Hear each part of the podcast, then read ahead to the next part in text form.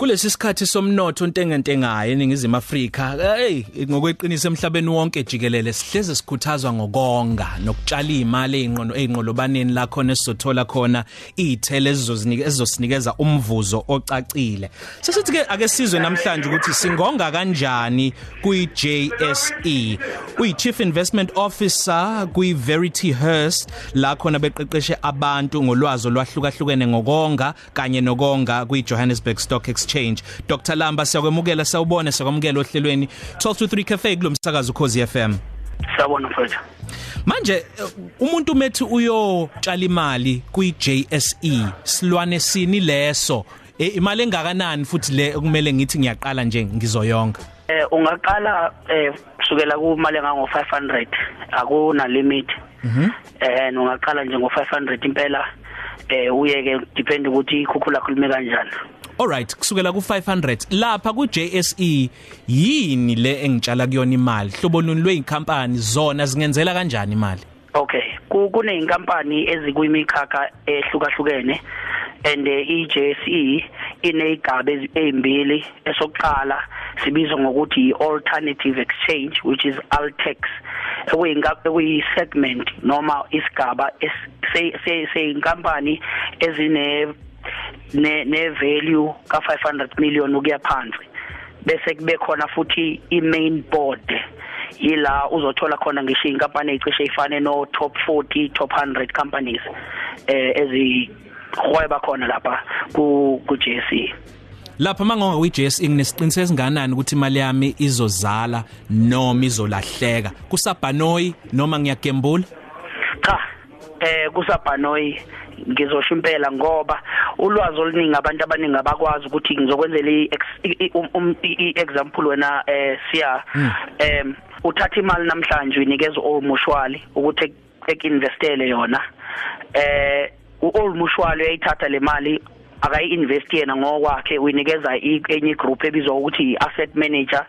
Leyo asset manager ayi-invest leyo mali direct ngoba akekho umuntu oinvesta ku JSE ngaphandle kwe stock broker so uyayithatha uyinikeza stock broker i stock broker bese siyayithatha imali siyayi-investor Oh. Engiqonda ukusho phecelezi ukuthi ene akunendaba ukuthi uinvest ebank ku 32 day notice account i fixed account i money market imali yakho as long as kwi financial system yala e South Africa igcina e stock exchange Johannesburg Stock Exchange investor khona ngisho amabhanki Okay.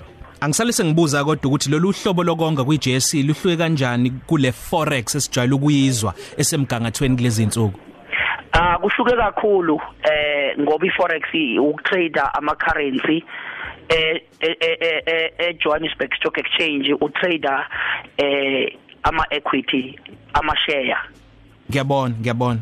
Ehe. Isikhathi esiningi sikhuthazwa ngokutshala imali kwi kwi property ngokuthi sithenge izindlu okuyizo okuyiyona ndlela noma ezinye indlela zokuinvest.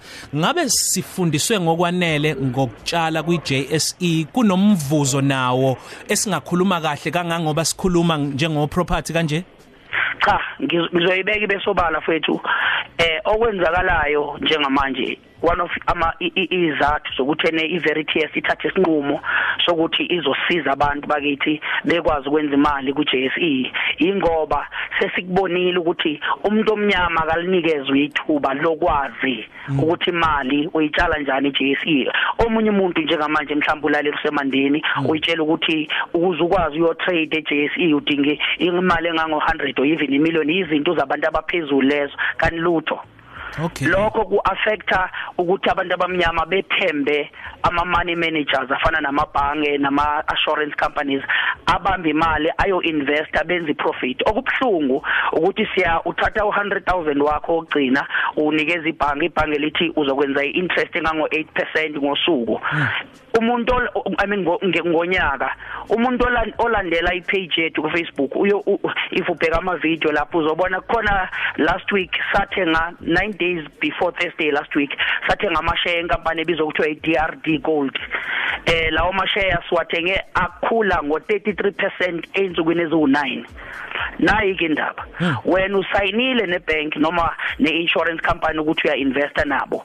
Noma ngabe bengenza u200% profit ngemali yakho ngeke bekunike bakunika leni nivumele esivumelene ngayo ewu8% ngonyaka. So esizama ukwenza thina ukuxwayisa abantu ukuthi okungcono yifundele wena ngokwakho ukuthi ene ufunda ukuthi kutradewa kanjani and kulula siya.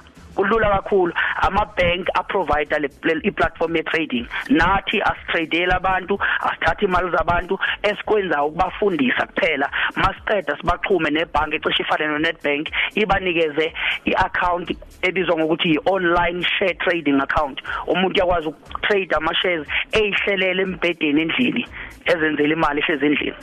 Dr. Lamba bengabamningi eminye imibuzo bengafisa ukuyibuza eh lenkulumo ingihlaba umxhwele nami ngibuza. Kodwa ke salithu sinika imininingwane mina nomlaleli masifisa ukuthola okwengeziwe.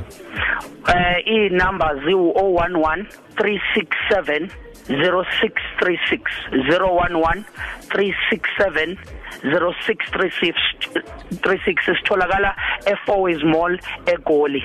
Dr Mandla Lamba oqhamuka kwi-investment company iVerity Hearst. Siyabonga kakhulu. 12 to 3 noSiyano selbionze ku Khosi FM